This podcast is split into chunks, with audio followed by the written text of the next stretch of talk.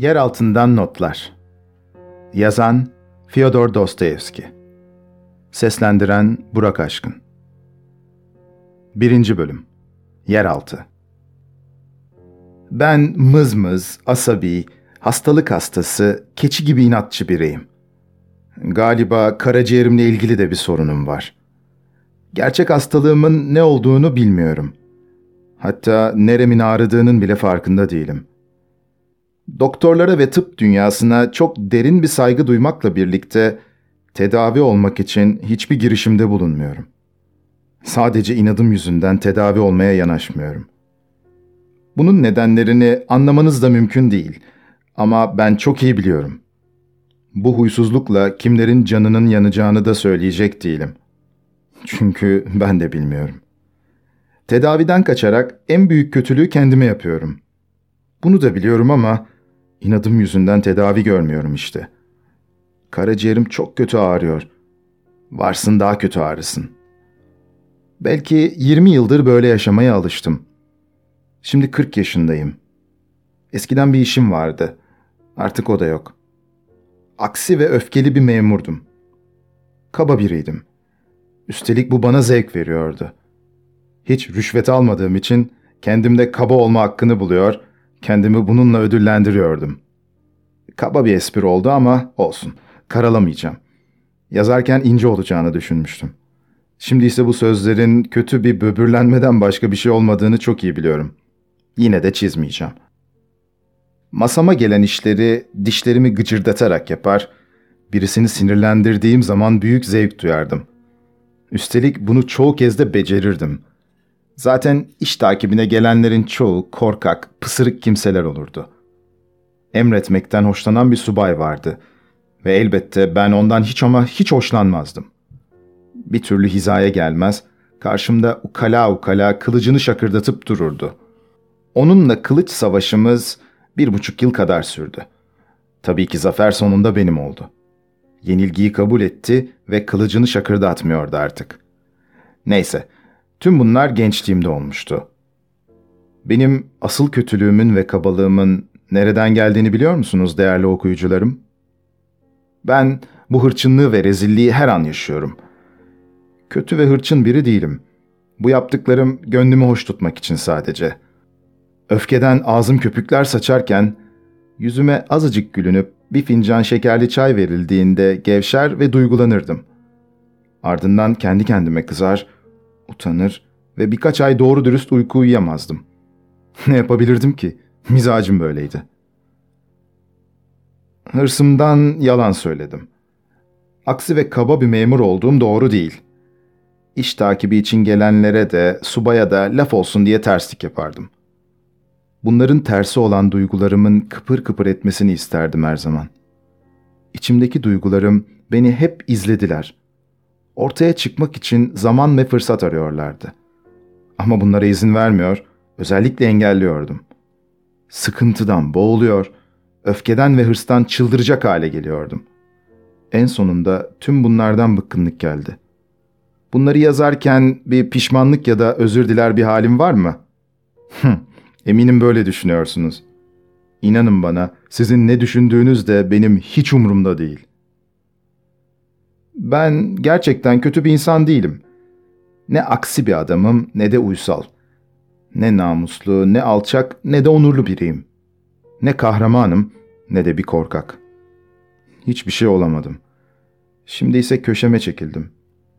Bir yandan akıllı insanların bir baltaya sap olamayacaklarını ve yaşamda başarılı olanların sadece aptallar olduğunu düşünerek avutuyorum kendime. 19. yüzyılın insanı öncelikle iradesiz olmalıdır.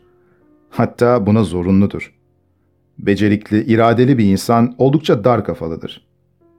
Ben 40 yıllık bir yaşamdan sonra bu kanıya vardım. Artık 40 yaşındayım. Evet, bu 40 yıllık bir ömür. Koca bir yaşam ve yaşlılığın ta kendisi.'' 40 yaşından fazla yaşamak bence ayıp bir şeydir. Bayağılığın ve adiliğin ta kendisi. Bana açıkça onurunuz üstüne söyleyebilir misiniz 40 yaşın üstüne kimlerin çıktığını?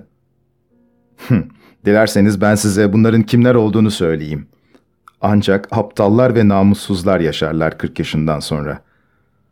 Ben bunu o saygın, beyaz saçlı, güzel kokular sürünmüş yaşlıların yüzüne bile söyleyebilirim. Buna da hakkım var. Çünkü ben de 60 yaşına, hatta 70'e kadar yaşayacağım. Hatta 80 yaşına kadar. İzin verin de biraz soluklanayım. Belki de sizi güldürmek istediğimi sanıyorsunuz. Ama yanıldınız işte. Ben sizin sandığınız ya da sanabileceğiniz gibi muzip biri değilim. Benim bu gevezeliklerime kızabilirsiniz. Ki yavaş yavaş kızdığınızı seziyorum. Benim kim olduğumu sorarsanız size küçük 8. dereceden bir memurdum diye yanıt verebilirim. Ben yalnızca karnımı doyurmak için çalışıyordum. Yalnızca bunun için. İşte bu nedenledir ki geçen yıl yakın akrabalarımdan biri bana 6 bin ruble miras bırakınca memurluktan hemen istifa ettim. Daha sonra da şimdi oturduğum bu eve yerleştim. Eskiden de burada yaşardım. Artık iyice demir attım. Odam kentin kıyısında ve çok kötü bir oda. Aptal bir hizmetçi var. Yaşlı, hırçın ve öfkeli bir köylü kadını. Üstelik çok da pis kokuyor. Bana bazı kişiler Petersburg'un havasının sağlığıma dokunduğunu, başkentte yaşamak için bu aylığın yetmeyeceğini söylüyorlar. Bütün bunları söyleyen, görmüş geçirmiş insanlardan daha iyi bilirim neler yapacağımı. Ve ben Petersburg'dan dışarıya bir adım bile atmayacağım. Gitmekle gitmemek arasında bir ayrım yapamıyorum. Gerçekten neden gitmek istemediğimi de bilmiyorum. Böyle bir insanın neleri konuşmaktan hoşlanacağını bilir misiniz? Cevabı şu. Sadece kendinden. Şimdi ben de size kendimden bahsedeceğim. Değerli okuyucularım, şu an siz dinlemek isteseniz de, dinlemek istemeseniz de ben sizlere niçin bir böcek bile olamadığımı anlatmak istiyorum. Tüm içtenliğim ve ciddiyetimle söyleyeyim.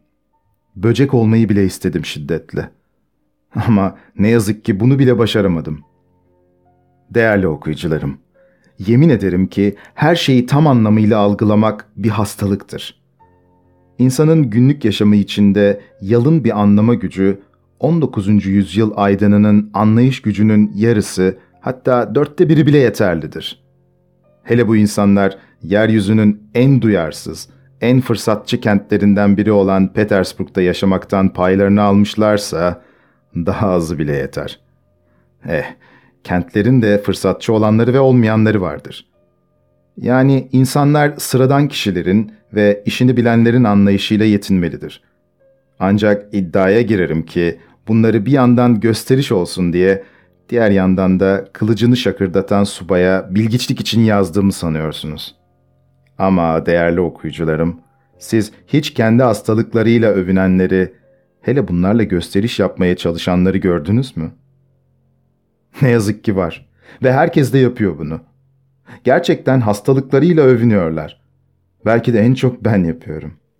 Gereksiz bir tartışma. Vereceğim cevap anlamsız çünkü. Bununla birlikte anlama gücüm çok yüksek değil. Bu durumun bir hastalık olduğu konusunda da kuvvetli bir inancım var. Kesinlikle bu böyledir, evet. Bunu bir yana bırakalım. Ve siz bana şunu söyleyin. Bazı zamanlarda nasıl desem, eskilerin deyişiyle bütün güzel ve yüce şeylerin inceliğini kavramaya hazır olduğumda, evet evet böyle zamanlarda bunları hissedeceğime gereksiz, saçma sapan davranışlarda bulunuyorum. Söylemek istediğim belki herkesin yaptığı ama benim yapmamam gereken anlarda böyle aykırı davranışlarda bulunmam neden ileri geliyordu?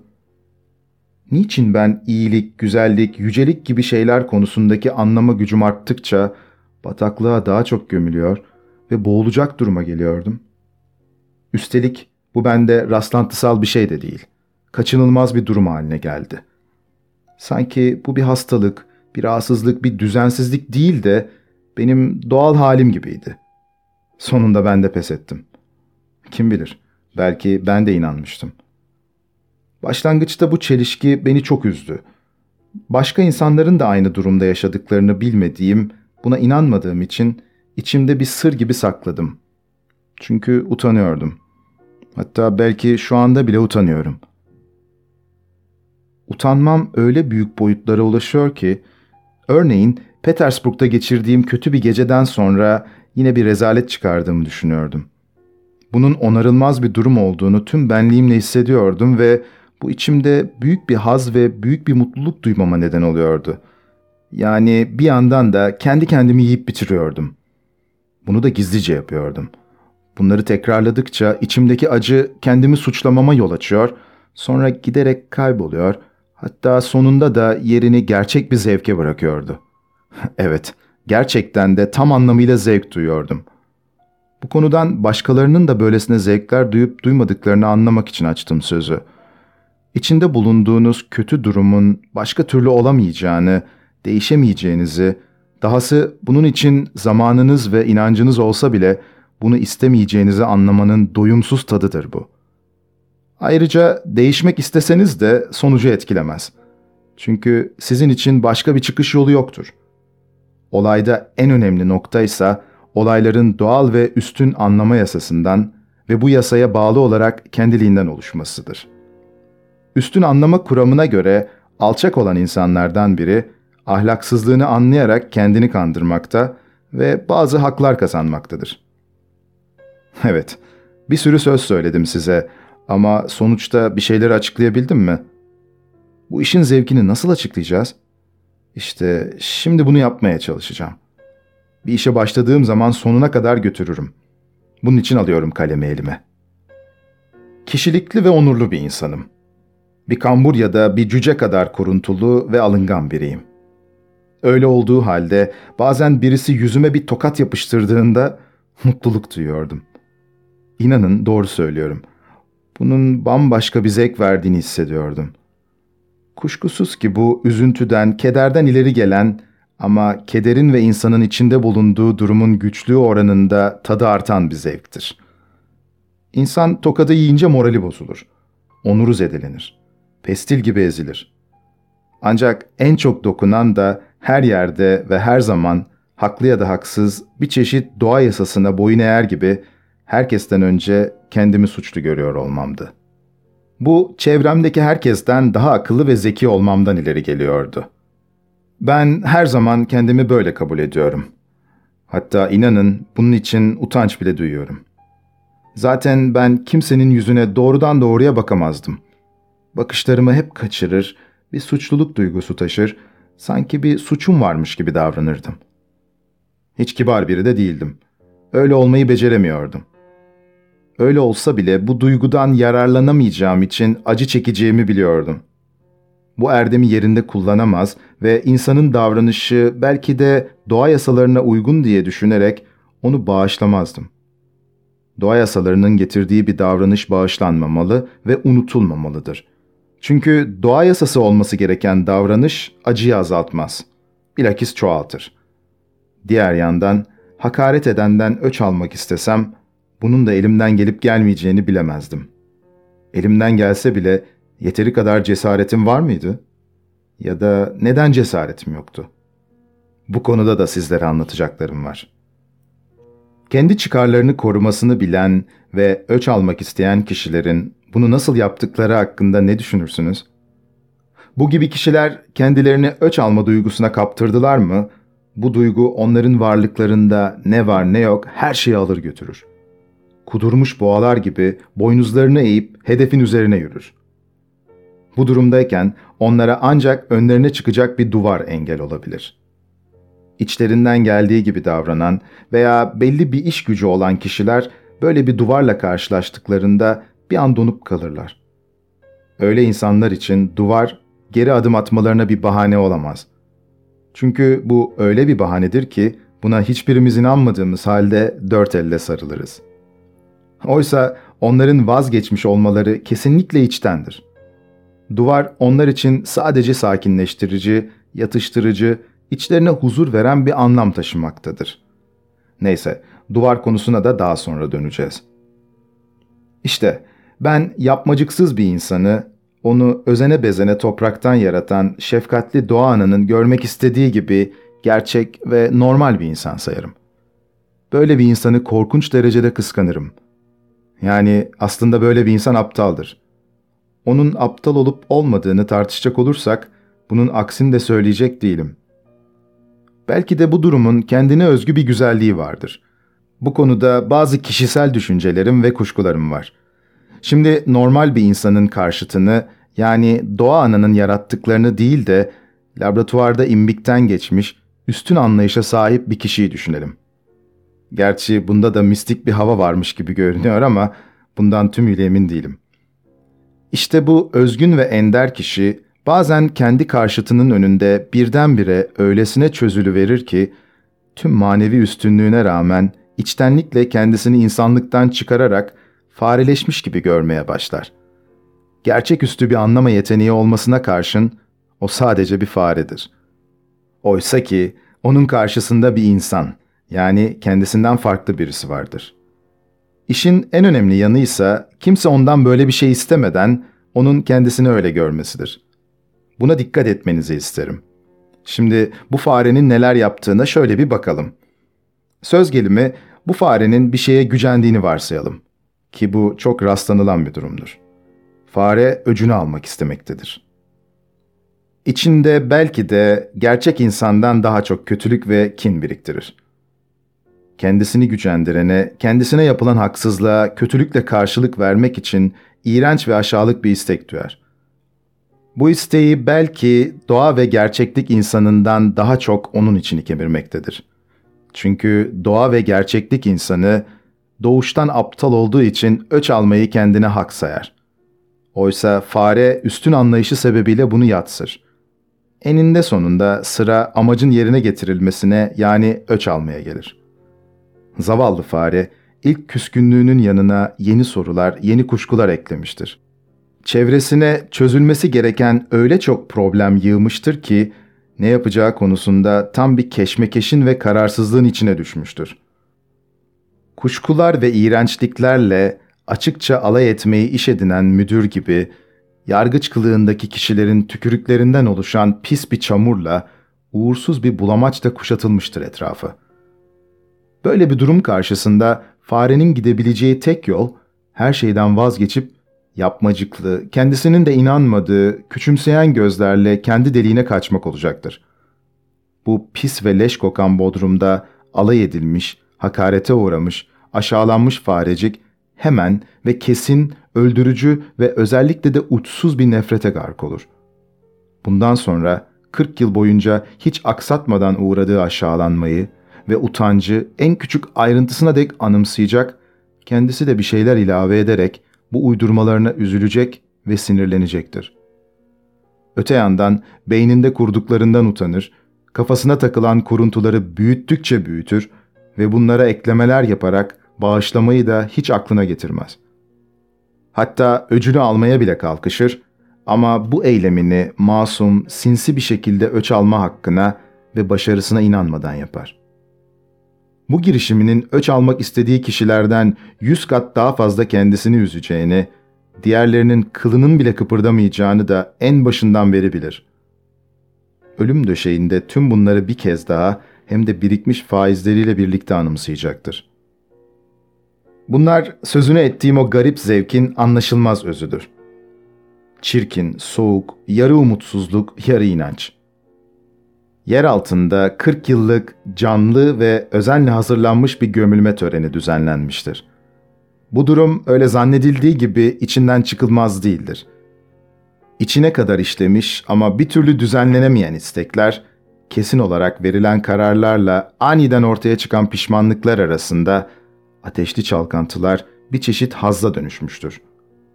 Bu garip haz, öylesine ince ve öylesine anlaşılması zor bir duygudur ki, basit, sıradan insanlar, hatta yalnızca sinirleri çok güçlü kimseler bile bundan bir pay alamazlar.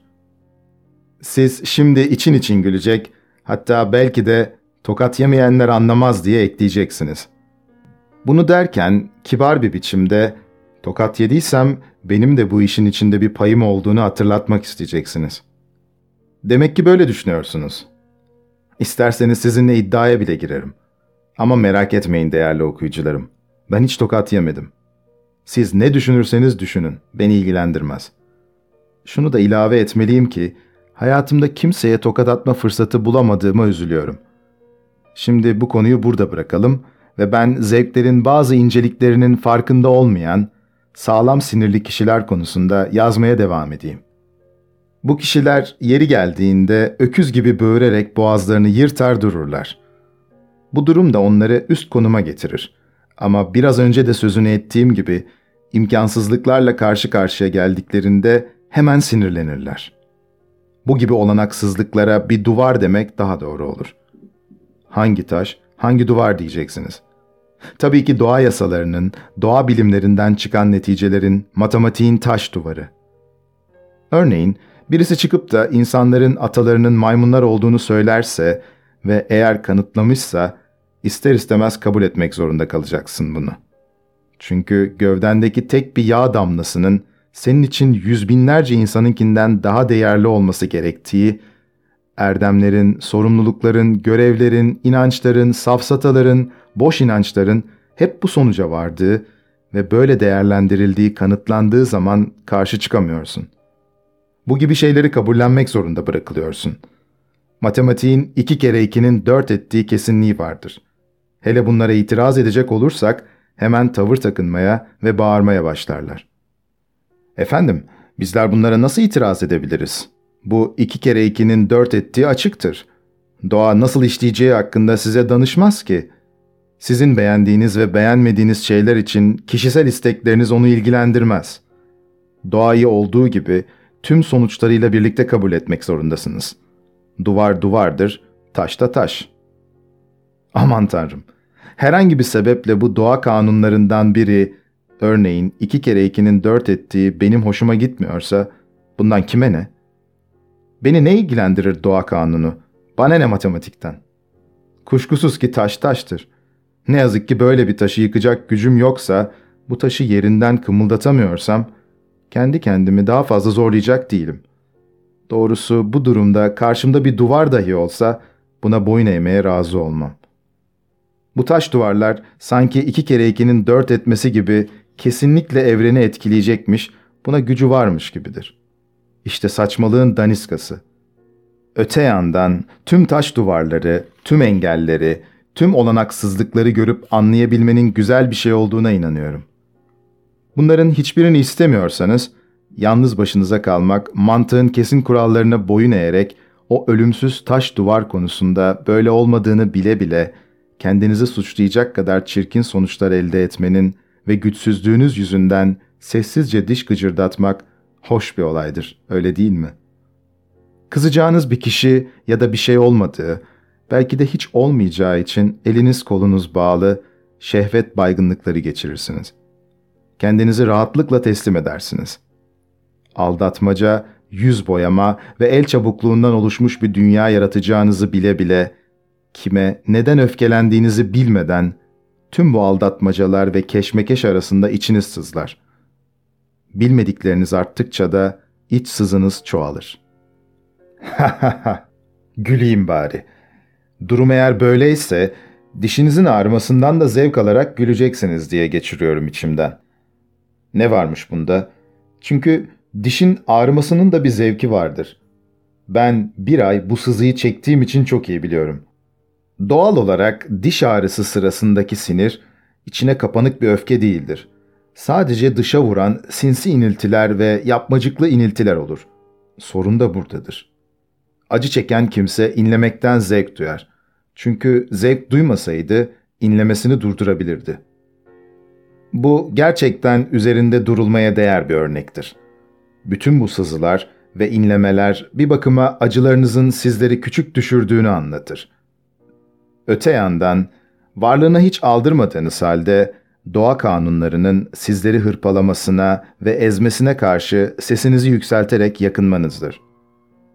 Karşınızda bir düşman olmamakla birlikte sizi üzen bir acı ve ıstırap vardır. Dişçi Wegenheim'ın girişimi bile sizi dişlerinizin tutsağı olmaktan kurtaramaz. Sizin dışınızdaki bir güç bunu istedikten sonra diş ağrınız hemen de bitebilir 3 ayda sürebilir 5 ayda. Eğer buna boyun eğmeyip hala karşı koyuyorsanız kuru bir avuntu olarak ya da kendinizi kırbaçlatmalı ya da yumruklarınızı bilinen yerinizin duvarına acıtırcasına vurmalısınız. kimden geldiğini bilmediğiniz ve içine sindiremediğiniz alaylardan, aşağılamalardan doğan zevk bazen yavaş yavaş şehvete doğru yaklaşır. Değerli okuyucularım, sizlerden özür dilerim. Diş ağrısıyla iç içe yaşayan şu 19. yüzyıl aydınının sızlanmalarına, inlemelerine, hastalığın ikinci, üçüncü, dördüncü gününde bir kulak verin. Artık onların inlemesi ilk gündeki gibi yalnızca diş ağrısından ileri gelen kaba bir köylünün inlemesine benzemez. Şimdikilerin deyişiyle topraktan ve halkın özünden sıyrılıp, uygarlıktan, Avrupa kültüründen bir şeyler kapmış, insana yakışır biçimdeki inlemelerdir. İnlemesi gitgide çirkinleşerek sonunda hırçınlığa dönüşür. Günler ve geceler boyu sürer. Bunun bir yarar getirmediğini, daha çok zarar verdiğini, bu davranışın kendisini ve başkalarını sürekli olarak boşu boşuna rahatsız ettiğini çok iyi bilir. Yanlarında çırpınıp durduğu ailesinin, yakınlarının ona hiç inanmadığını, usanç içinde bu kişinin şımarık ve yapmacıklı durumundan uzakta kalarak acısını daha doğal ve yalın bir halde sürdürdüğünü düşündüklerini çok iyi bilmektedir. Bu algılama ve rezilliği belki de bu işten aldığı zevkin en tepe noktasıdır. Ben sizleri nasıl da rahatsız ediyorum, içiniz parçalanıyor. Ey Tanrım, kimseyi uyutmuyorum ya. Neyse, uyumayın. Hepiniz her an benim dişlerimin ağrıdığını hissedin. Artık karşınızda daha önceden görünmek istediğim gibi bir kahraman değil, yalnızca miskin, belalı ve zavallı bir insan var. Yine de öyle olsun. Numaramı anladığınız için çok sevindim. Pis pis çıkışmalarımı, bağırmalarımı dinleyince yoruluyorsunuz. İçinizde cız diye bir şey oluyor şimdi değil mi? Olsun. Ben de sesimin tonunu değiştirir, sizlere berbat bir makamdan konuşma tezgahlarım. Değerli okuyucularım, hala anlamadınız değil mi? Sanırım duygunun tüm içtenliğine inebilmek için daha çok gelişmeniz, üstün bir kavrama gücüne ulaşmanız gerekiyor. Siz bunu anlamıyor ve gülüyorsunuz öyle mi? Sevindim. Şüphesiz ki şakalarımın zevksiz, karışık, berbat ve düzensiz olduğunu biliyorum. Ayrıca kendime güvenim de yok. Ama bu benim kendime saygım olmadığı için böyle. Neyse, tam olarak anlama gücüne sahip bir insan kendisine saygı duyabilir mi hiç? Kendisini aşağılamaktan hoşlanan bir insanın kendi özüne saygısı kalır mı? Bunu bıkkınlık veren bir pişmanlığın etkisiyle söylemiyorum.'' Çünkü çok eskilerden beri bağışlayın babacığım, bir daha yapmam demekten nefret etmişimdir. Bunları söylemek hiç de zor gelmiyor. Aksine çok kolay söylüyorum. Hiç suçum olmadığı halde bir takım hayallerle kendimi suçlu saydığım olmuştur. Bu da en acısıydı. Böyle olduğunda bile çok duygulanır, pişmanlık duyar, gözyaşlarımı tutamazdım. Bütün bunlar kendimi inandırmak ve avutmak içindi. Bunları yalandan yapmadığım halde kalbimin içinde kötülüğün özü vardı. Doğa kanunları beni hayatım boyunca her şeyden çok hırpaladığı halde bu kez ona suç yüklemek doğru olmazdı. Şimdi aynı şeyleri hatırlamak içimi burkuyor. O zamanlar da aynı duygularla doluyor ama bir dakika geçtikten sonra kendi kendimi yiyordum. Tüm bu pişmanlıklar, duygulanmalar, edilen yeminler yalandı. Sahtekarlıktan, ikiyüzlülükten başka bir şey değildi. Hemen anlıyordum bunu. Kendimi çeşitli kılıklara sokarak hırpalanmanın nedenini sorarsanız, size işsizlikten, sorunlarımdan, boş durmaktan, canım sıkıldığı için bütün bunları denedim diye cevap vereceğim. Değerli okuyucularım, kendinizi şöyle bir yoklayın. Bunun doğru olduğunu hemen anlayacaksınız. Ben yaşadığımı anlamak için kendi kendime bir çeşit yaşam oyunu kurar serüvenler uydururdum. Çoğu kez bir hiç yüzünden gücenmeyi bile denemişimdir. Gücenecek hiçbir şey olmadığı için kendimi kandırdığımı bildiğim halde işi öylesine büyütürdüm ve öyle bir noktaya getirirdim ki sonunda gerçekten gücenirdim. Bu oyun kendime hakim olamayacak duruma gelene kadar hoşuma gitmişti. İnanır mısınız? İki kez de böyle aşık olmayı denedim. Ve bu yüzden olmadık acılar çektim. Kalbimin bir köşesinde bu acıya inanmazlık hem de bu acıyla alay etmek yeşerirken yine de acı çekmeyi sürdürdüm. Üstelik sırılsıklam bir aşık gibi kıskanıyor ve kendimi kaybediyordum. Bunun tek sebebi can sıkıntısıydı. Tembelliğin ve bir şey yapmamanın verdiği sıkıntı beni eziyordu. Sonucunda da haylazlığa yöneliyordum. Zaten bu haylazlık bilincin doğal ürünü olan tembellikten başka nedir ki? Bunu daha önce de söylemiştim. Tüm içtenliğimle yineliyorum. Belli bir işi olan insanlar dar kafalı oldukları için çok çalışkan kimselerdir. Ancak bunu şöyle açıklayabilirim. Bu insanların akılları kıt olduğu için bir konunun ana nedenlerini araştırmadan en yakınındaki ikincil nedenlere atladıkları doğrudur.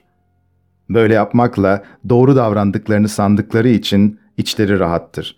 Ve en önemlisi de budur aslında. Herhangi bir işe başlarken öncelikle huzur içinde ve tüm kuşkularından arınmış olarak başlama zorunluluğu vardır. İyi ama ben kendimi nasıl kandırabilirim? Benim dayanabileceğim ana temeller, başlangıç noktaları nerede?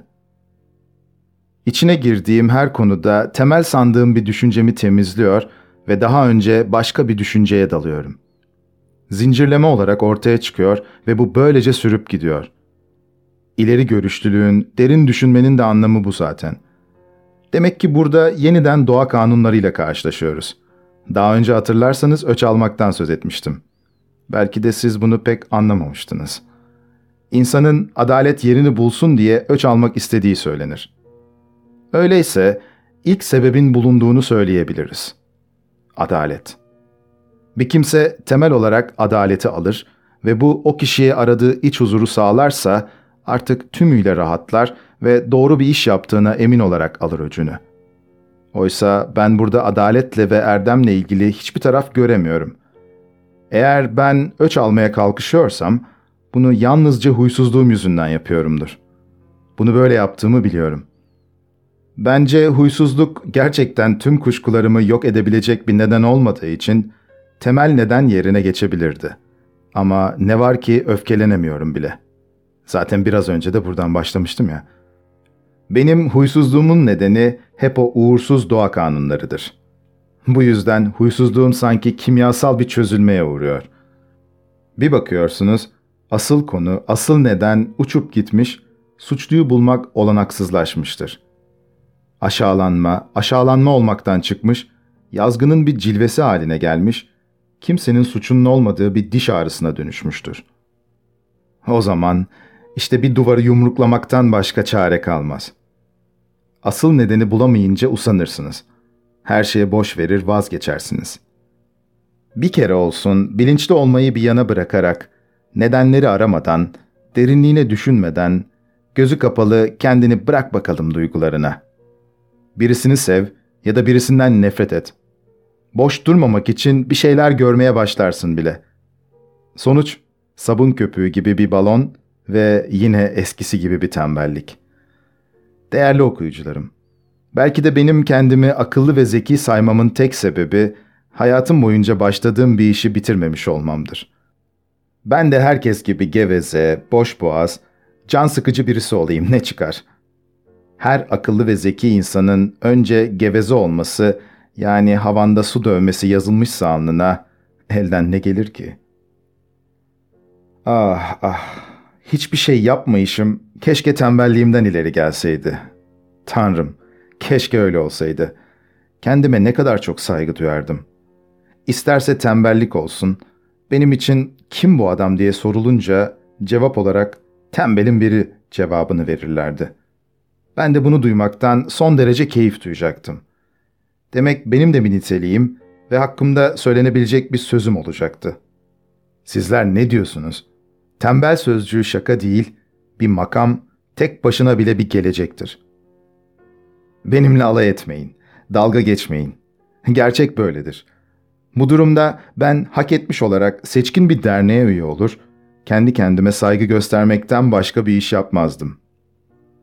Bir arkadaşım vardı. Hayatı boyunca latife şarabının uzmanı olmakla övünürdü.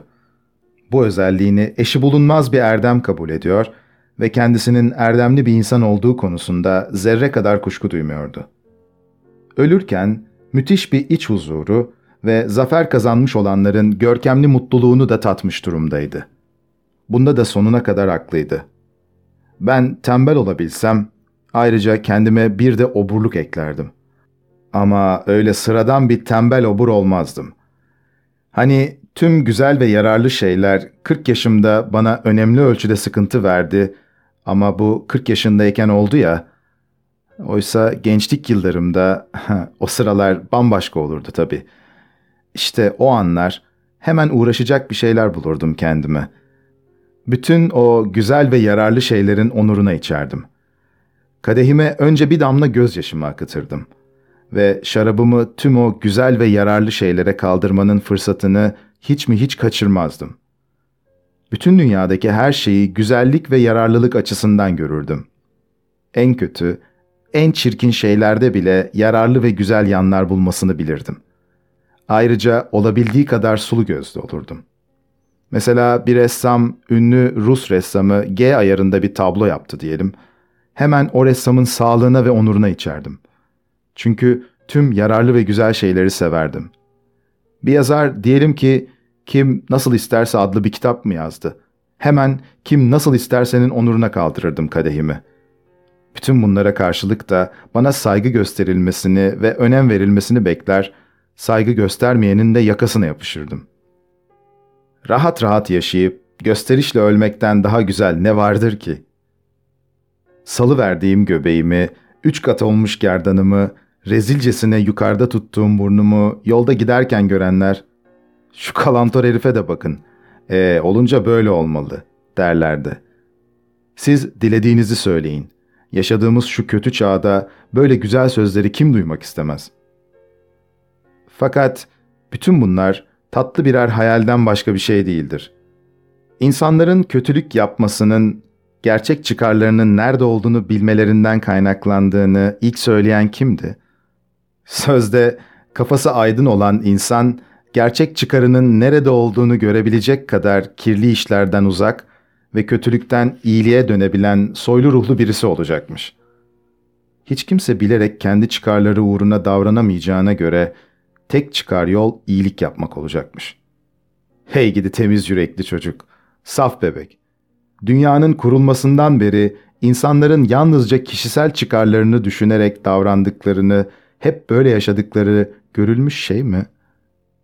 İnsanların gerçek çıkarlarının nerede olduklarını bildikleri halde, yani göz göre göre, bunu hiç dikkate almadan başka bir yola tehlikenin kucağına atladıkları milyonlarca kez rastlanan bir olay. İnsanları böyle davranmaya zorlayan aynı neden değil ki. Sanki alın yazısının kendileri için çizdiği yoldan yürümek istememişler, inat ederek, baş kaldırarak, karanlığa dalarak yeni, zorlu ve karma karışık bir yol keşfetmeye çabalamışlardır. Dik kafalılığın onlara kişisel çıkarlarından daha tatlı gelmiş olduğunu söyleyebilirim. İnsanların çıkarları uğruna neler yapacağını kestirmek çok zordur. İnsanın çıkarlarının nerede olduğunu kesinlikle söylemenin imkanı var mı?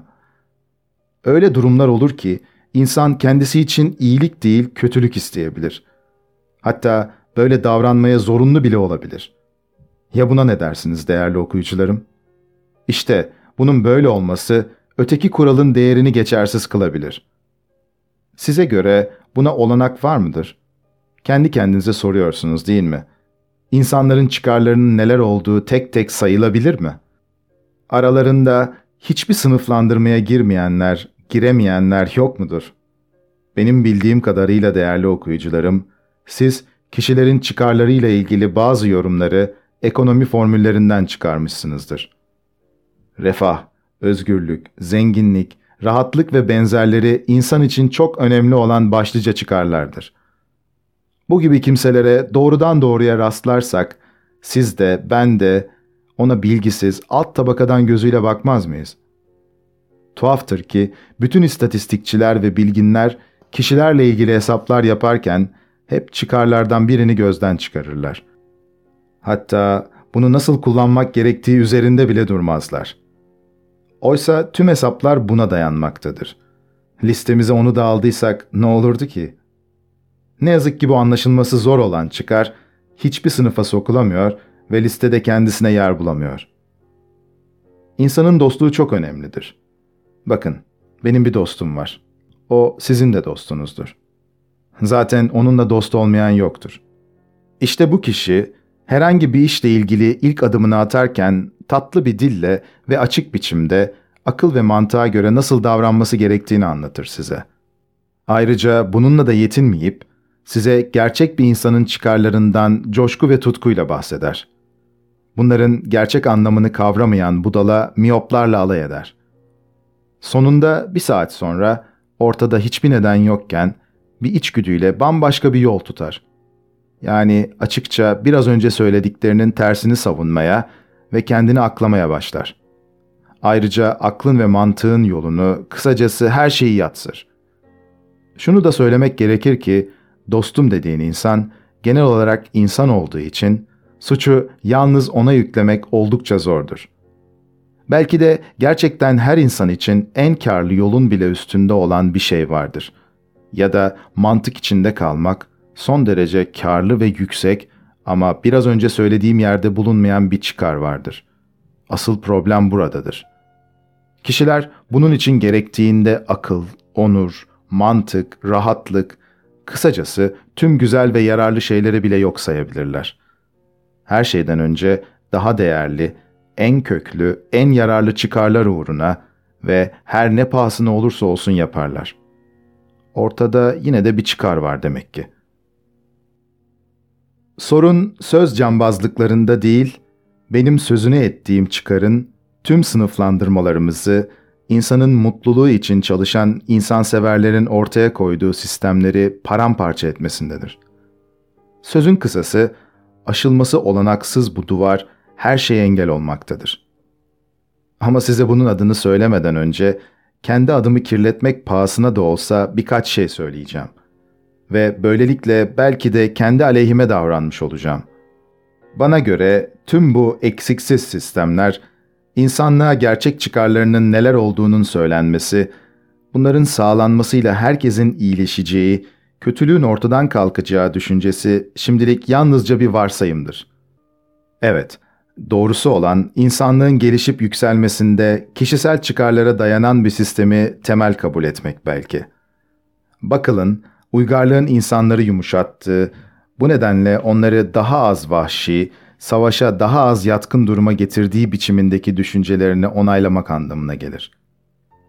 Sanırım onun mantığını kullanarak ulaştığı bir sonuç bu.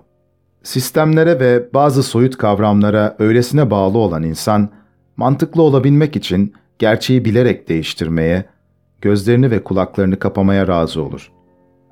Bunu önemli bir örnek olduğu için söyledim.'' Çevrenize şöyle bir bakın isterseniz. Kan gövdeyi götürüyor değil mi? Hem de şampanya gibi keyifle akıyor. Hem de bu Buckle'ın yaşadığı 19. yüzyılda bile böyle. İşte sözde Büyük Napolyon ve bugünkü Napolyon. İşte Kuzey Amerika'nın sonsuz birliği. İşte karikatüre benzeyen Schleswig ve Holstein Prensliği. Ayrıca uygarlık neyimizi yumuşatmıştır ki? Uygarlığın insanlarda duyguların çeşitlerini çoğaltmaktan başka bir işe yaradığı yok. Oysa duyguların çeşitlenmesiyle birlikte bir de bakıyorsunuz ki insanlar kan dökmekten daha çok hoşlanır hale geliyorlar. Bunun birçok örneği var. En ustalıklı, en incelikli cinayetlerin çoğu kez kültürlü ve aydın insanlar tarafından işlendiğine hiç dikkat ettiniz mi? Atilaların, Stenka Razinlerin bile onlardan geride kaldığı durumlar söz konusudur. Atilla ve Stenka Razin kadar göze çarpmıyorlarsa eğer, bu yalnızca sayıca çok olmalarından ve çok görüldükleri için artık bir özellikleri kalmamasından ileri gelmektedir. Kişi uygarlığa bulaştıkça eskisinden daha iğrenç olmasa da, daha fazla kan dökmese de daha kötü can aldığı bir gerçektir. Eskiden insanlar hak için kan dökerler, bu yüzden rahatça birbirlerini öldürürlerdi. Çağımızda ise insan öldürmek suç sayıldığı halde yine de cinayetlerin ardı arkası kesilmiyor. Hatta iş eskisinden de beter oldu. Bu iki biçimden hangisinin daha kötü olduğuna siz karar verin. Roma tarihinden bir örnek vereceğim için beni bağışlayın. Kleopatra, cariyelerinin göğüslerine altın iğneler batırmayı sever onların attığı çığlıklardan, onların acı içinde kıvranmalarından zevk alırmış. Siz şimdi bana bunların çok eski bir barbarlık dönemine ait olduğunu söyleyeceksiniz. Öyleyse mecazi anlamda söylüyorum. Şimdi günümüzde batırılan iğneler çağımızın da bir barbarlık içinde olduğunu gösteriyor.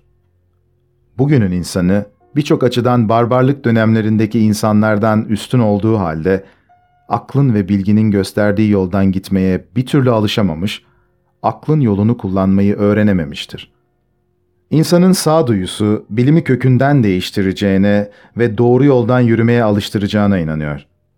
İnsanların zaman zaman kendi istekleriyle yanlış yolda gitmekten vazgeçeceklerine, iradelerinin kendi çıkarlarına karşıt davranışta bulunmalarına ister istemez engel olacağına mutlak bir inancımız vardır.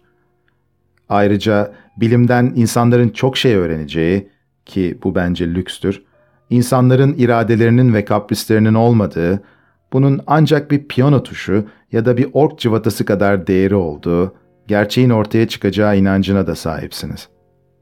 Bunların dışında insanlar dünyada her şeyden önce doğa kanunlarının var olduğunu, bireylerin ve toplumların her davranışının kişisel isteklerine göre değil, doğa kanunlarına göre belirlendiğini öğreneceklerdir. Öyleyse tüm sorun bu doğa kanunlarını keşfetmektir.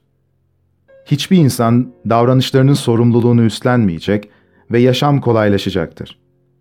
İnsanların tüm davranışları bu yasalara göre logaritma çizelgesi biçiminde matematiksel hesaplara göre yüz bine kadar hesaplanıp düzenlenecektir. Hatta çağımızın ansiklopedik sözlüklerine benzeyen yararlı yayınlar bile çıkacaktır.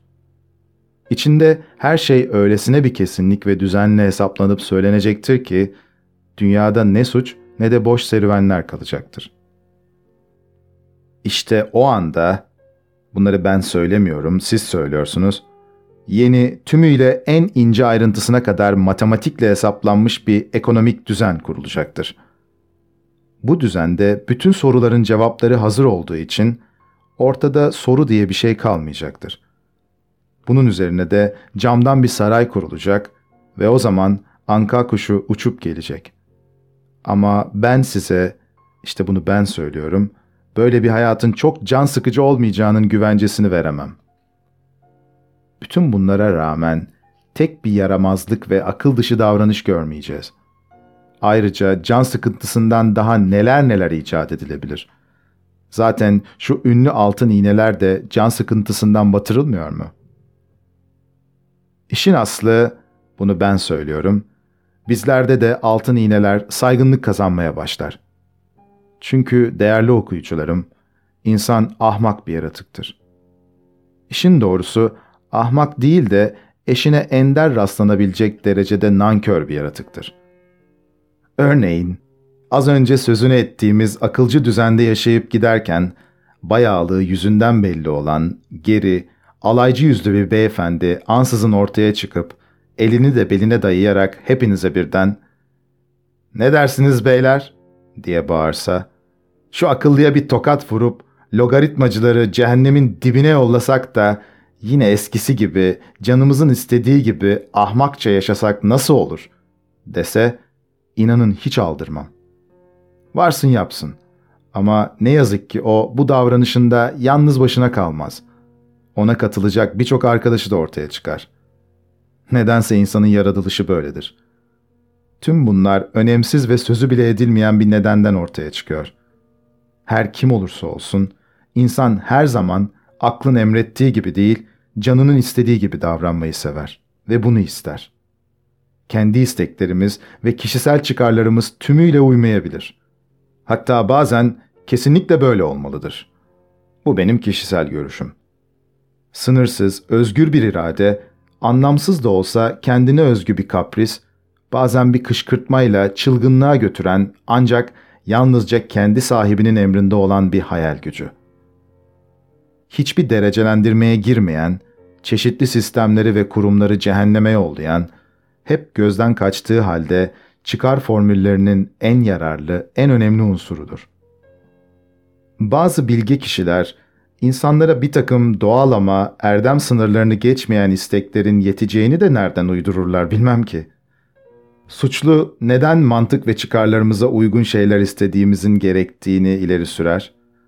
Oysa insanlara gerekli olan tek şey, sonunun neye varacağı, neye mal olacağı belirsiz ve başıboş istekleridir. İstek, özgür irade denilen şey diye sözümü keseceksiniz. Ben de zaten sözü buraya getirecektim. Bunları açıklamaya cesaret edememiştim.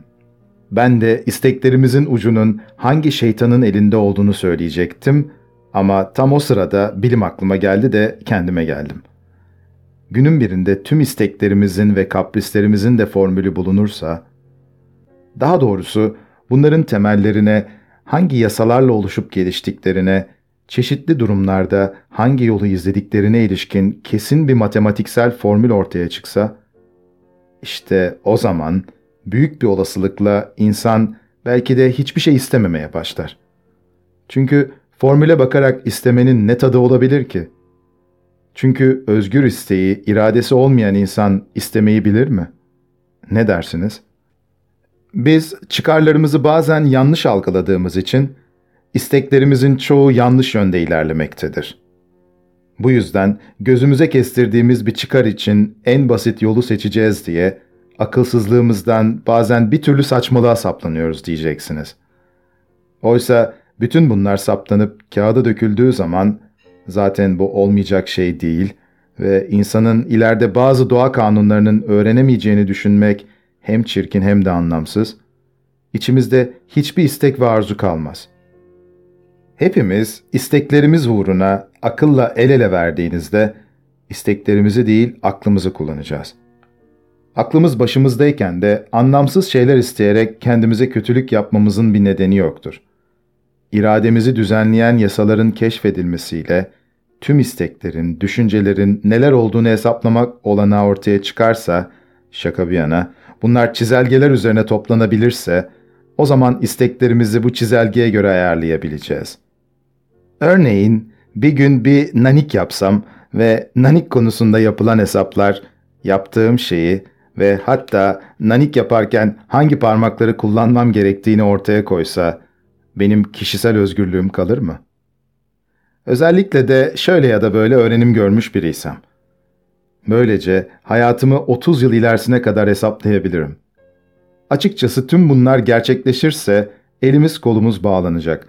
Biz de her şeyi önceden bilmenin vereceği bir durağanlığa saplanıp kalacağız.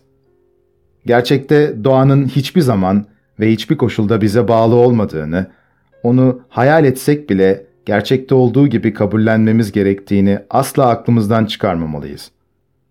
Diğer yandan bir formül, bir takvim, hatta hatta bir kimyager imbiği peşindeysek ne yapalım? Bunların tümünü kabullenmek zorundayız.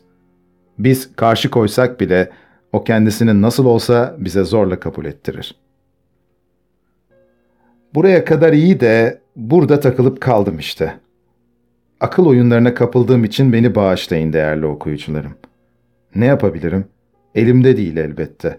40 yıllık yeraltı yaşamı bu. İzin verin biraz hayal kurayım. Aklımı beğenmemek elimden gelmiyor. Ama onun kendi sınırlarını hiçbir zaman aşamadığını, insanın yalnız düşünme gereksinimine yanıt verebildiğini de kabullenmek gerek. Oysa istek, aklı ve başka özentileri de içine alan bütün hayatımın, yani bir insan hayatının en güçlü ifadesidir. Gerçi bunun değeri yok gibi geliyor ama yine de unutmamalıyız ki yaşam yaşamdır, matematik değil. Örneğin ben oldukça doğal bir biçimde yalnızca aklımı kullanıp hayatımın yirmide birinden yararlanmak değil, içimde var olan bir yaşam isteğiyle ilgili tüm unsurları seferber ederek yaşamak istiyorum. Aklın gücü nereye kadar uzanır? Akıl ancak öğrenebildiği kadarını bilebilir. Belki bazı şeyleri hiçbir zaman öğrenemeyecektir. Bu bizi avutmuyor. Bunu neden söylemeliyim? Ayrıca insanın hayatı bazen bilinçli, bazen bilinçsiz olarak, bazen aldatıp, bazen aldanarak sürüyor. Değerli okuyucularım, bana acıyarak baktığınızdan kuşkulanıyorum. Siz aydın, kültürlü, kısaca geleceği parlak bir insanın kişisel çıkarlarının tersine gerçeğinin matematik bir kesinlik taşıdığını yineliyorsunuz. Belki haklısınızdır. Ben size hak veriyorum ama yüzüncü kez söylüyorum. İnsanın kasıtlı ve bilinçli olarak zararlı, anlamsız, hatta son derece ahmakça bir isteğe kapıldığı tek bir durum vardır. Bu ne kadar anlamsız olursa olsun istemek hakkına sahip olmak, yalnızca akla uygun olan şeyleri isteme zorunda kalmama isteğidir. Değerli okuyucularım, bu yüksek değerdeki istek bazı hallerde bizim için dünyanın tüm nimetlerinin üzerinde bir değer kazanabilir. Bazen bize açık açık zarar verdiği halde ve kişisel çıkarlarımızla ilgili olarak akla en uygun düşüncelerimizle tümüyle karşıt olmasına rağmen tüm öteki çıkarlardan daha çok yarar sağlayabilir. Çünkü bizim için en önemli, en değerli varlık olan kişiliğimizi, bize özgü olanı korumaktadır. Bazı kimseler bunların insan için her şeyden daha değerli olduğunu söylerler. Akılla isteğin aynı noktada buluştuğu oluyor. Kötüye kullanmamak, gerekli gereksiz zamanlarda başvurmamak koşuluyla bu çok yararlı sonuçlar da doğurabiliyor. İstek çoğu kez akılla tamamıyla karşıt bir yoldadır. Ve ve bilir misiniz? Bu durum hem çok yararlı hem de çok övünülecek bir durum olabiliyor. İnsanların bir an için aptal olmadığını düşünelim. Gerçeğe bakarsanız böyle bir iddiada bulunmak olanaksızdır. İnsanı aptal kabul edersek kime akıllı diyeceğiz? Ama şunu söylemeliyim. İnsanoğlu aptal değilse bile o ölçüde nankördür. Evet, eşi bulunmaz bir nankör, bir değer bilmez. Nankörün nankörü. Hatta bana göre insanı en uygun olarak iki ayaklı nankör bir yaratıktır diye tanımlamak gerekir. Bu kadarla bitirmek de doğru olmaz. Çünkü böyle dersek çok önemli bir kusuru unutmuş oluruz. İnsanların en büyük kusuru büyük tufandan, ölçüsüzlüğünden doğan bir erdemsizlikle başlıyor ve yazgısının belirlendiği Schleswig-Holstein dönemine kadar sürekli olarak bir erdemsizlikle sürüyor. İnsanlık tarihine şöyle bir göz attığınızda ne görürsünüz? Görkem mi? Belki bunun için yalnızca Rodos heykeli bile yeter. Kimilerinin bunun insanların elinden çıktığını, kimilerinin ise doğanın bir harikası olduğunu söylemeleri boşuna değil. Göz alıcılık mı? Bu da olabilir. Yalnızca yüzyıllar boyunca her ulusun askerinin, sivilinin giydiği üniformaları bile dikkate alsak, bunun karşısında şaşırıp kalmayacak tarihçi yoktur. Tek düzelik mi? O da olabilir. Durmaksızın dövüşüyorlar. Şimdi de dövüşüyorlar. Eskiden de dövüştüler. Tek düzeliğin gereğinden fazla olduğunu hep kabul edersiniz. Kısacası insanlık tarihinde pek çok şey, hasta bir hayal gücünün yaratabileceği her şey vardır da, yalnızca ölçülü davranış, ağır başlılık yoktur. Bu konudaki ilk sözde hemen sustururlar sizi. Hayat karşınıza ahlakın ve aklın en canlı örneklerini, erdemli ve ağırbaşlı, ölçülü davranmayı ilke edinen, sanki ahlaklı ve ölçülü de yaşanabileceğini kanıtlamak isteyerek çevrelerine ışık saçan bilge kişileri çıkarabilir. Sonrası belli. Böylesi gösteriş düşkünlerinin yaşamlarının sonlarına doğru birden sendelerler ve bir çam gibi yıkılı verirler. Şimdi sorarım size. Böylesi tuhaf özellikleri olan insandan ne beklenebilir? Önüne dünya nimetlerinin hepsini serin. Mutluluk okyanusuna başı kaybolana kadar, hatta suyun üstüne su kabarcıkları çıkana kadar gömün. Ve çalışmaya gereksinmesi olmayacak kadar da bir zenginlik sağlayın.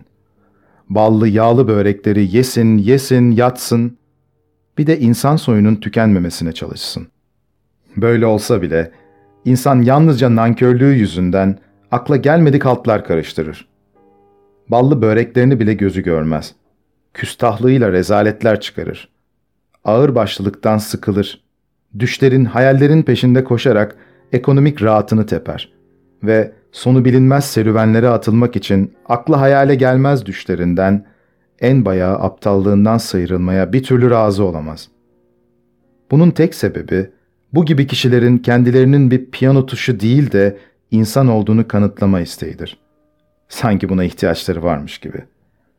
Gerçi bu piyanonun tuşlarını kullanan da doğa yasalarıdır ancak bu piyano çalışı sırasında kimse çizelge dışı istekler besleyemeyecektir. Ayrıca o kişiye doğa bilimleri ve matematik yoluyla gerçekten bir piyano tuşu olduğu kanıtlansa bile akıllanmaz.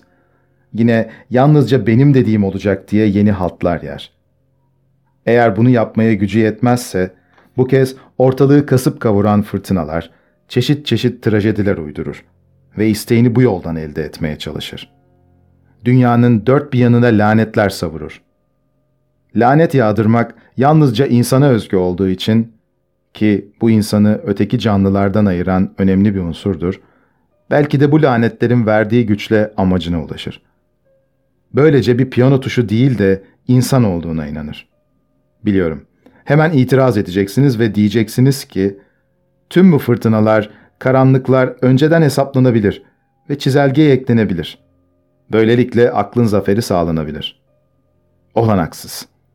İnsan bu kez de aklının olmadığını kanıtlamak için deli numarası yapmaya kalkışır ve böylece istediğini elde eder.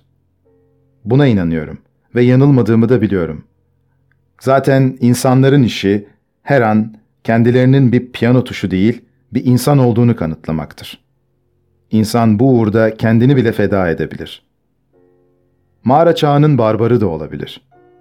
İşte tüm bunlardan sonra gel de günaha girme.'' henüz bu dereceye ulaşmadığımıza, isteklerimiz şeytan tarafından yönetilmediğine, bunun açığa vurulduğuna gel de sevinme. Eğer bana bağırmak inceliğinde bulunursanız, irademin bağımsız olduğunu, normal çıkarlarıma, doğa yasalarına ve matematiğe uygun olması gerektiğini söyleyeceksiniz. Bunları bırakın. İş çizelge ile matematiğe dayanınca ortada iki kere ikinin dört etmesinden başka bir şey dönmezse iradenin sözü edilebilir mi? İki kere iki, benim iradem karışmasa bile dört ediyor. İrade demek bu mudur? Değerli okuyucularım, şaka yaptığımdan hiç kuşkunuz olmasın. Şakalarımın hiç de hoş kaçmadığını biliyorum.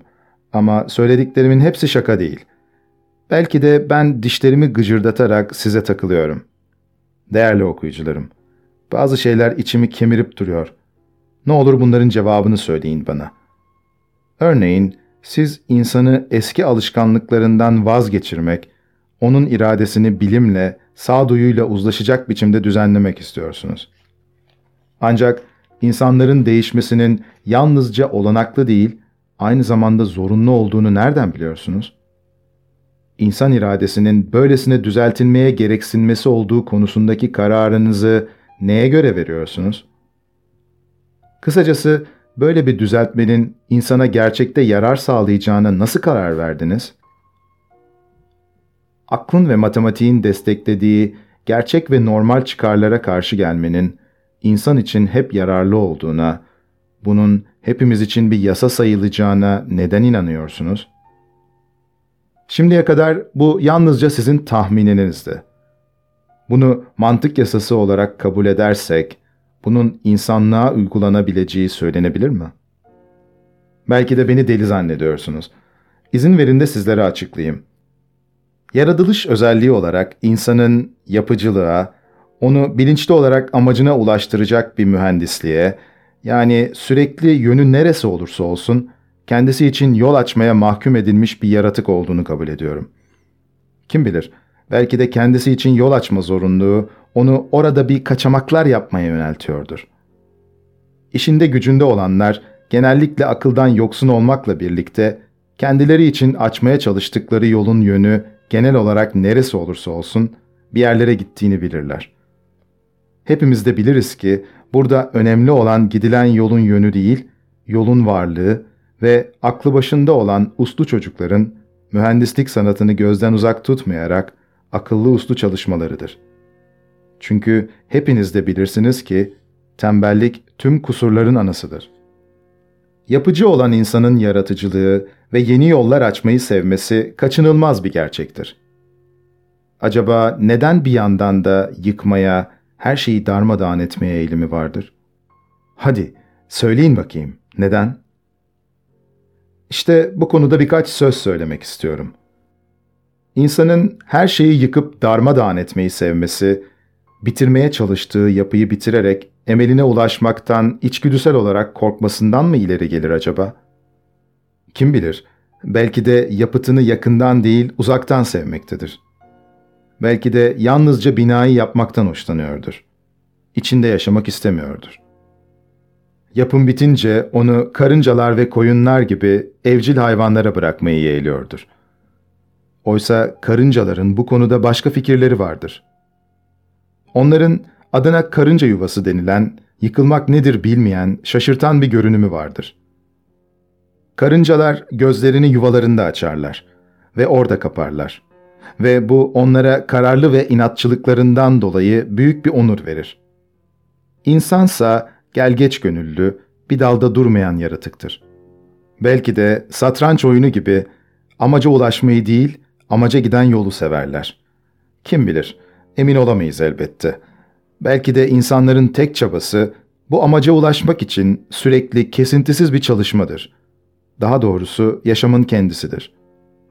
Asıl amaç iki kere iki dörttür gibi bir formülden başka bir şey değildir. Ama iki kere iki dörtse hayat değildir. Ancak ölümün başlangıcıdır. İnsan bu mantıktan sürekli ürkmüştür. Ben hala ürküyorum. Evet, insan ömrünü iki kere ikinin peşinde geçirir. Bu uğurda denizler aşar, yaşamını harcar. Ama aradığı gerçeği eline geçirmekten inanın ki korkar. Eğer elde ederse artık arayacak başka bir şeyin kalmadığını iyi bilir.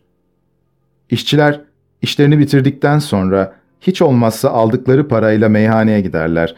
Ne bileyim oradan karakola düşerler. İşte size en azından bir haftalık bir uğraş. Ama bizler nereye gideceğiz? Bu sebeple amaca yaklaştıkça bir huzursuzluk duyulur. İnsan amaca ulaşmak için çalışmayı sever ama ulaşmayı istemez. Kuşkusuz bu da gülünç bir durumdur. Öyleyse insanın daha doğuştan gülünç bir yaratık olduğunu söyleyebiliriz. İşin en hoş yanı da budur. Yine de şu iki kere iki dördün çekilmez bir şey olduğunu söylemeliyiz. Bence iki kere iki dört yalnızca bir küstahlık. İki kere ikiyi yolumuzun ortasında Külhan Bey gibi duran, ellerini beline koymuş, her yana tükürükler saçan biri olarak düşünüyorum. Sonra da onun mükemmel bir varlık olabileceğini de kabul ediyorum.'' Ama her şeyi güzel görmeye başladıktan sonra iki kere ikinin dört değil de beş olduğunu düşünmek ve bundan zevk duymak da olumlu olabilir. Sayın baylar, siz insanların çıkarlarını rahat bir yaşam için kullandıklarını mı düşünüyorsunuz? İnsan aklının çıkarla ilgili konularda aldandığı olmuyor mu hiç? Belki de insan yalnızca refahtan değil, acıdan da aynı ölçüde hoşlanıyor. Hatta acının mutluluk kadar yararlı olduğu bile düşünülebilir. İnsanın zamanı geldiğinde acıyı tutkuya varan derecede sevdiği de bir gerçektir. Bunu anlamak içinse insanlık tarihine bakmaya gerek yok. Hayatın ne olduğunu bilen bir insansanız eğer, kendi kendinize sorun yeter. Benim kişisel düşünceme göre refahı sevmenin biraz ayıp bir yanı bile vardır. İyi mi kötü mü olduğunu bilmem ama bazı şeyleri kırıp dökmenin bile kendine özgü bir tadı var. Bu açıdan ne refahı ne de acıyı yeğlerim. Ben onu istediğim anda tatmin edebilme olanağımın olmasından yanayım. Komedilerde acının yerinin olmadığını biliyorum. Acı, kuşku ve inkar demektir. İçimizde kuşku uyandıran bir camdan sarayı düşleseniz bile, bununla birlikte insan gerçek acıyı tatmak istediğinden, çevresinde bir kargaşa yaratmak, yok etmek, dağıtmak hevesinden asla kendisini uzaklaştıramaz. Bizim manevi varlığımızın biricik kaynağı da acı değil mi? Yazılarıma başlarken anlamanın insanın baş belası olduğunu, bunu sevdiğini ve hiçbir şeyle değişmeyeceğini söylemiştim. Anlama, iki kere iki dördün karşılaştırılamaz derecede daha yükseğindedir. İki kere iki dörtten sonra ne yapacak ne de öğrenecek şey kalmamıştır. Beş duyunuzu körleştirip düşünceye dalarsınız o kadar. Anlama da insanı aynı sonuca götürür. Yine yapacak işiniz kalmaz ama bu kez hiç değilse kendi kendinizi yumruklayabilirsiniz. Bunun da kendine göre bir yararı vardır. İsteseniz de dilinizi çıkaramayacağınız, bütün bakışlardan uzakta nanik bile yapamayacağınız sonsuza kadar ayakta kalacak camdan bir saraya inanmışsınız. Belki de tüm bunları yapamayacağım için bu saraydan çekiniyorum. Yağmur yağarken böyle bir saray yerine bir tavuk kümesi görsem ıslanmamak için oraya sığınırdım. Ama kümes beni yağmurdan korudu diye de ona minnettar kalıp saray gibi göremem doğrusu. Bana gülerek böyle bir durumda kümesle sarayın arasında bir fark olmadığını söyleyeceksiniz. evet, yaşamda tek amacımız ıslanmamak olsaydı söylediğiniz doğru olurdu. Şeklinde cevap veriyorum size. İnsan yalnız bunun için yaşamaz. Ama yaşadıktan sonra ömrünü sarayda geçirmelidir düşüncesine inananlardanım. İsteğim ve hedefim bu. Bunlar değişmediği sürece içimden söküp alamazsınız. Bunları değiştirin, gözümü başka bir şeyle kamaştırın, başka bir amaç verin ama o ana kadar benden kümesi bir saray olarak görmemi istemeyin. Varsın camdan saray yalnızca uydurma, düşsel olsun. Doğa yasalarına göre asla olmayan bu düşü ahmaklığımdan, insan soyuna özgü bazı köhnemiş, akıl dışı alışkanlıklara uyarak ben uydurmuş olayım. Camdan sarayın gerçekte olup olmaması beni ilgilendirmiyor. Ben onu isteklerimde ve hayallerimde yaşatıyorum ya, bu bana yeter. İsteklerim var oldukça o da var olacaktır. Belki de bu sözlerime aldırmadan gülüyorsunuzdur. İstediğiniz kadar gülebilirsiniz. Tüm alaylarınıza katlanırım. Ama yine de karnım açken benim karnım tok diyemem. Uzlaşmayla avunamayacağımı, gerçekten de var olan kısır döngüyle yetinemeyeceğimi biliyorum. İsteklerimi yok edin. Tüm ideallerimi silin. Bana daha iyi şeyler gösterin. Seve seve sizin peşinizden gelirim. Eğer uğraşmaya değmez derseniz, o zaman siz de benden aynı cevabı almak zorunda kalacaksınız. Ciddi ciddi konuştuğumuz halde bana önem ve değer vermek istemiyorsanız, bu sizin bileceğiniz iş. Nasıl isterseniz. Size yalvaracak değilim. Benim de bir yer altım var ve bu da bana yeter. Ben yaşadığım sürece isteklerimi yapacak gücüm ve kuvvetim oldukça böyle bir apartman için tek bir tuğla koyarsam ellerim kırılsın. Camdan sarayı sadece dilimi çıkaramayacağım, nanik yapamayacağım için reddettiğime bakmayın. Bunları sevmediğimi söylemedim. Belki de beni sinirlendiren, sizin yaptığınız yapıların arasında insana dil çıkarma gereksinimini duyurmayanı olmadığı içindir. Çevre düzeltilsin, dil çıkarma gereksinmesi unutturulsun, o zaman minnet ve şükran duygularımı göstermek için dilimi bile kestiririm. Buna olanak yoksa ve var olan evlerle yetinmemiz gerekiyorsa, bundan da bana ne? Neden böyle isteklerle yaratılmışım?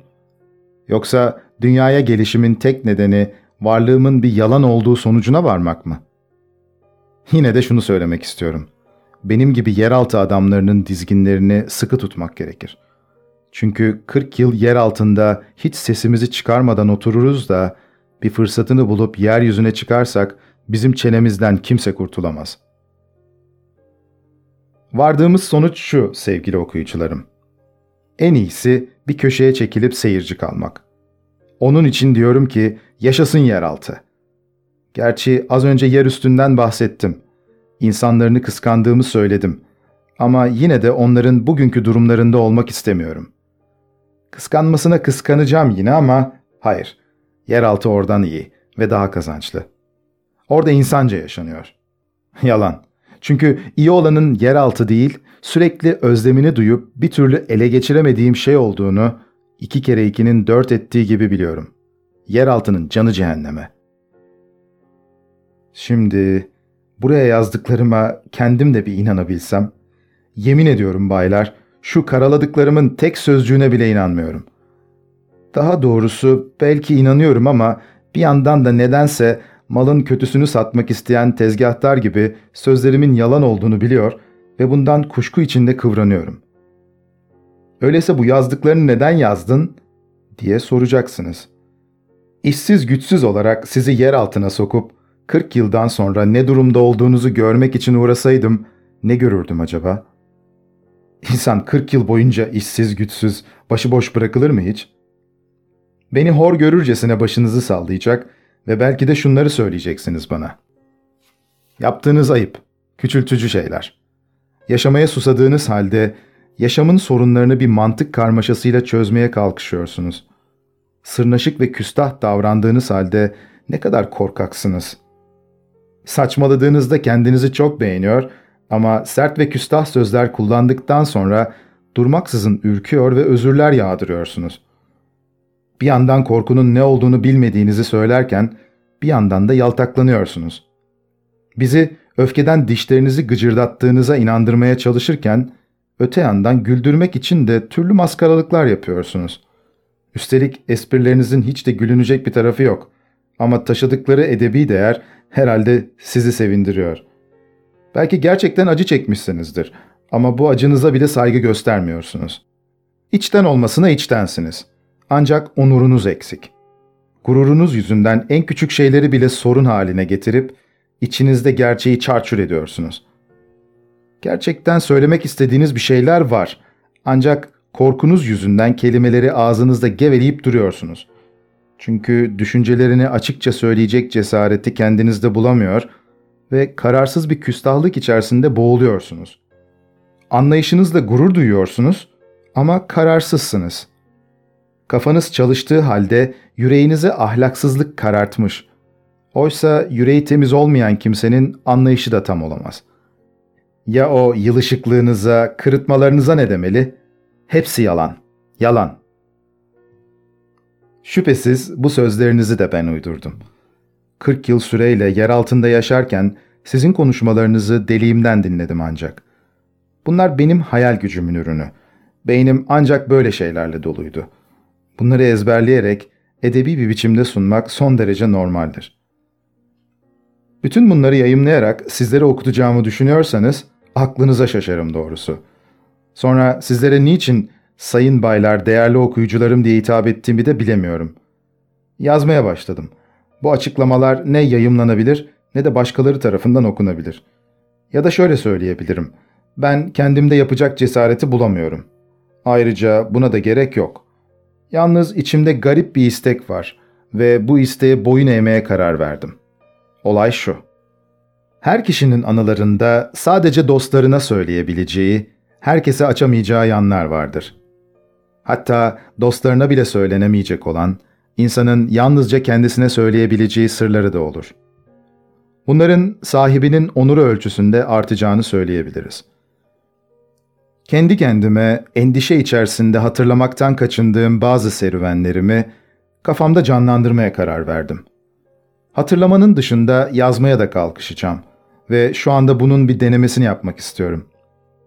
İnsan kendi kendine tümüyle içten olabilir mi? Yeri geldiği için de söylemek istiyorum. Henry Heine, öz yaşam öyküsü yazmanın hemen hemen olanaksız olduğunu, insanın kendisinden söz ederken bir takım yalanlar katabileceğini söyler. Ona göre Russo, İtiraflar adlı kitabında mutlaka yalan üstüne yalan kıvırmış, üstelik bunları gururu sebebiyle bilerek, isteyerek yapmıştır. Ben de Henry Heine'ın haklı olduğuna inanıyorum. İnsan gerçekten de bazen yalnızca gururu nedeniyle kendisini ucuz cinayetlere kadar uzanabilecek yalanlara bulaştırabilir. Bunun nasıl bir gurur olduğunu da çok iyi anlıyorum. Ama Henry Heine itirafını topluma, başkalarına sunan bir kimseden söz ediyordu. Oysa ben yazdıklarımı yalnız kendim için yazıyorum. Okuyuculara niçin mi sesleniyorum? Bunun daha kolay bir yazma şekli olduğunu düşündüğüm için böyle yazıyorum. Yazdıklarımın düzenine hiç aldırmayacağım. Aklıma ne gelirse, nasıl olursa öyle kağıda dökeceğim. Benim söylediklerime takılarak, gerçekten okuyucunuz olmayacaksa, kendi kendinize yazılı olarak bir takım koşullar sunmanıza ne gerek var? Yazınızda herhangi bir ilke, düzen olmayacağını, yalnızca aklınızdan geçenleri gelişi güzel yazacağınızı niçin söylüyorsunuz? Diyeceksiniz ve ekleyeceksiniz. Bunları niçin açıklıyor ve özür diliyorsunuz?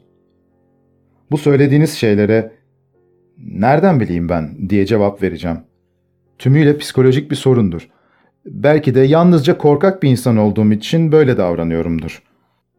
Belki de yazarken daha ciddi olabilmek için gözlerimin önünde okuyucularımın bulunmasını istiyorumdur. Kim bilir, binlerce sebebi olabilir.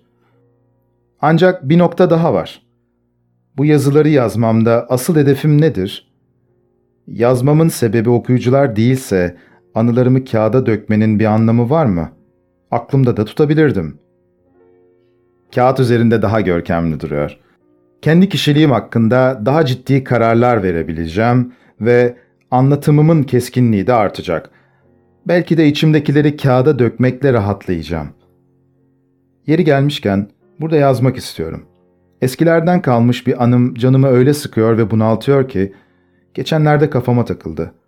O gün bugündür hep kulağımda çınlayan hüzünlü bir şarkı gibi bir türlü aklımdan çıkmıyor ve rahatsız ediyor. Bu sıkıntıdan kurtulmam gerek. Böyle anıların yüzlercesi var. Ara sıra bunlardan bir tanesi aniden üste çıkarak beni sıkmaya ve bunaltmaya, ezmeye başlar. Nedendir bilmiyorum ama yazarsam bunları üstümden atabileceğime inanıyorum. Bir kere denemekten ne çıkar? Derler ki iş insanı iyi ve namuslu yaparmış. Hiç değilse bu da bir şans işte. Denerim. Kar yağıyor şimdi. Daha doğrusu sarı, bulanık, sulu sepken. Dün de yağdı. Geçtiğimiz günlerde de. Size anlatmak istediğim olayı da bu sulu sepken yüzünden hatırladım. Öyleyse bu hikaye de sulu sepken üzerine olsun.